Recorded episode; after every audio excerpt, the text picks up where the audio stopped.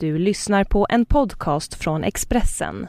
Fler poddar hittar du på expressen.se podcast och på iTunes. Det här är Expressen Dokument om kvinnoförebilden Kerstin Thorvall av Malin Ekman som jag, Johan Bengtsson, läser upp. Kvinnoförebilden Kerstin Thorvall kallade sig aldrig feminist.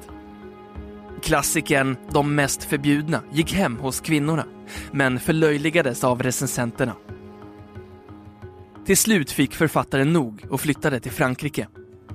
Ångesten som skrivandet gav dövade hon med psykofarmaka och sex.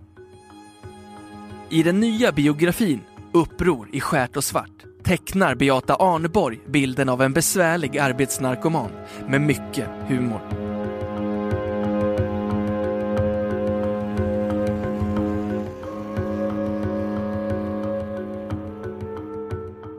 Som barn är Kerstin Thorvall sin vuxna persons raka motsats. En timid liten flicka utan pojktycke, fången i ett puritanskt medelklasshem. Hon självmedicinerar sin dödsångest med bibelstudier i tonåren. Hon går med i scouterna. Men redan som sexåring får hon den lite lättfärdiga drömmen om att bli modetecknare. Det blir hon. Hennes alster uppskattas i branschen och ger henne, senare under hennes tid i Paris, ett uppdrag för en stor modetidning. Men den tidiga karriären som modetecknare och sen även veckotidningskrönikör bidrar till hennes ansträngda förhållande med litteraturkritikerna. Ja, det tror jag att den gjorde. Då kunde man inte blanda högt och lågt, som hon gjorde. Det fanns vattentäta skott mellan finkultur och populärkultur, säger Beata Arnborg som skrivit den första och nyss utkomna biografin om Kerstin Thorvall, Uppror i skärt och svart. Beata Arnborg tecknar bilden av en begåvad, krävande, humoristisk och självupptagen arbetsnarkoman. Redaktörerna fick smyga in kritik för att Kerstin Thorvall inte skulle explodera eller bli oregerlig, berättar Beata Arnborg. Hon var en väldigt besvärlig och egocentrisk person, samtidigt som hon kunde se de mest hjärtskärande sanningar och skriva om dem. På det här viset var hon dubbel. Kerstin Thorvall synliggjorde kvinnans åldrar, skrev om hur jobbigt det kunde vara att vara tonåring, hur kluven syn hon hade på sin egen mamma, hur yrket och männen ofta lockade mer än barnen, hur jobbigt det var att som äldre kvinna tappa sin attraktionskraft, men för den saken inte sin sexlust.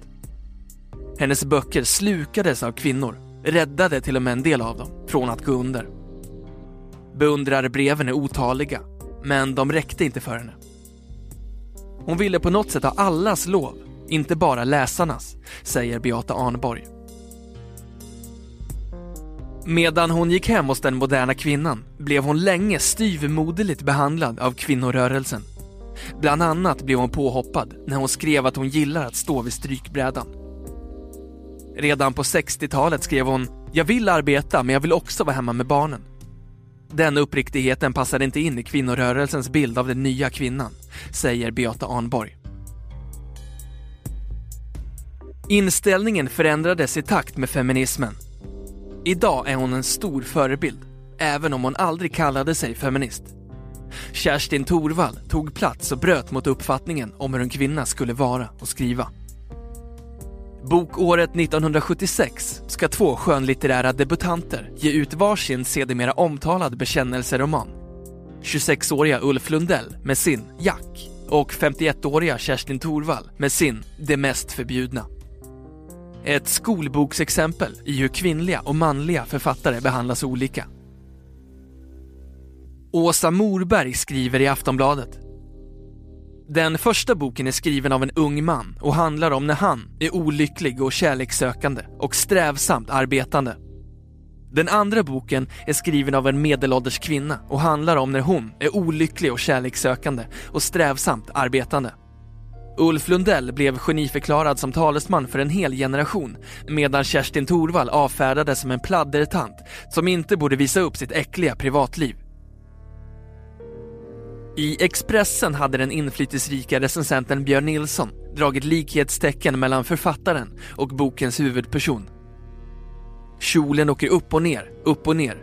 Säga vad man vill om Kerstin Thorvall, men på latsidan ligger hon icke, skrev han. Författaren själv tog illa vid sig av skriverierna. Så illa att det påverkade hennes beslut att senare flytta till Frankrike. För övrigt var de självbiografiska eskapaderna i debutromanen överdrivna. I hennes första roman, Det mest förbjudna, överdrev hon, med romanförfattarens rätt, antalet förförda män på Kuba. Men visst njöt hon av heta nätter i Havanna och hon blev djupt förälskad i den unge blåögde. Den passionen skulle kort efter hemkomsten slutgiltigt skälpa det äktenskap som redan kantrat, skriver Beata Arnborg i Uppror i skärt och svart. Kerstin Thorvall lyfte takhöjden i debatten, liksom för vad en kvinna fick skriva. Samtidigt verkar synen på kvinnliga provokatörer seglivad. Författaren, feministen och Torvald-beundrarinnan Maria Sveland är bombsäker. Kerstin Thorvall hade inte undkommit näthatet om hon gjorde karriär idag. Flashback hade kollapsat av alla trådar som skulle handla om denna vidriga kvinna, säger hon. Hon frågar sig också om det mest förbjudna verkligen skulle uppfattas rumsren om den gavs ut idag. Jag tycker att klimatet just nu är ganska reaktionärt. Jag är verkligen inte säker på att den skulle ha mötts med större respekt och förståelse idag, säger hon. Kerstin Torvalls yngsta son, Anders Engström, från äktenskapet med Per Engström, hade just fyllt 15 år när Det mest förbjudna kom ut. När de hade skrivit riktiga taskiga grejer om henne i tidningarna var det klart att det var några som undrade om det där var min morsa. Då var det inte så kul att svara ja på den frågan, säger han idag, 37 år senare. Anders Engström kände att hans uppväxt inte var direkt normativ.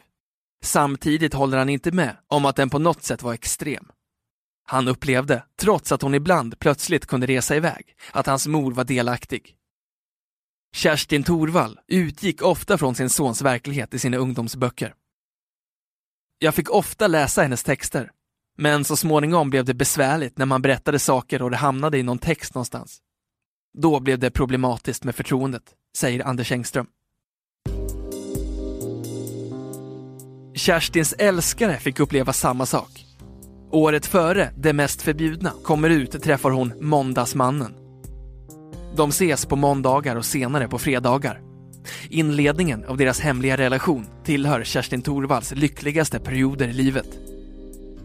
Det berodde nog ganska mycket på att vi inte sågs särskilt mycket. När vi sågs var det trevligt och däremellan sågs vi inte, säger måndagsmannen som fortfarande vill vara anonym av hänsyn till sin familj. Kerstin Thorvall beskriver sin älskare i Den lyckliga kärleken 1977 Måndagsmannen slutade snart att läsa hennes böcker eftersom han stördes över att känna igen saker i dem. På 80-talet upphör relationen. Hon umgicks med andra på väldigt många olika vis. Det gav med sig av sig självt, säger Måndagsmannen idag. För sina närstående var Kerstin Thorvall ofta svår att ha att göra med. Eva Bonnier, som alltid ställde upp för sin vän, ringde en gång till Caroline Rosmark och undrade hur hon skulle bete sig för att Torvald skulle sluta ringa nonstop. I Arneborgs biografi beskrivs hur Kerstin Torvall med mer eller mindre jämna mellanrum gästar psykakuten. Ångesten plågade henne och lindrades med psykofarmaka när hon ville ta den. I Senegal blir Kerstin, som var spirituell, erbjuden att botas med hjälp av en vodorit jag svarade att det var min ångest som drev mig att skriva och att det var det jag levde på. Så det var nog bäst att ha ångesten kvar. Ska Torvald senare återge saken? Istället använde hon ofta männen som medicin. Hon dövade ju sin ångest med sex. Men hade en man handlat på samma sätt hade det inte väckt samma reaktioner, säger Beata Arnborg.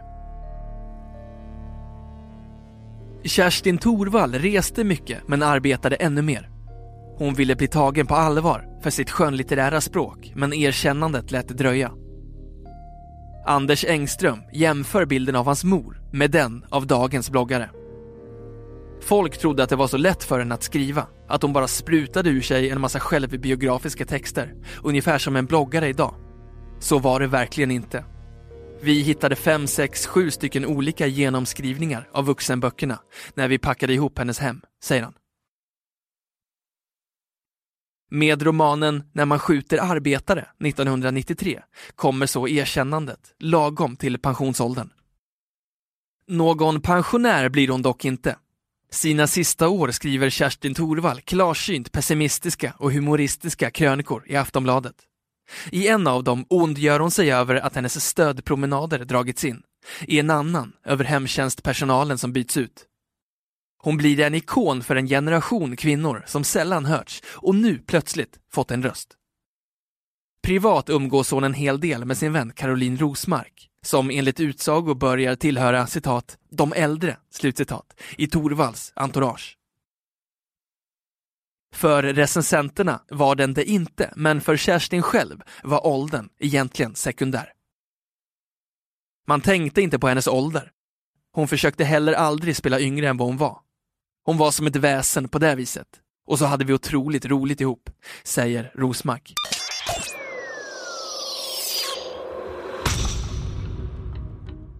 Du har lyssnat på en podcast från Expressen. Ansvarig utgivare är Thomas Mattsson. Fler poddar finns på Expressen.se och på iTunes.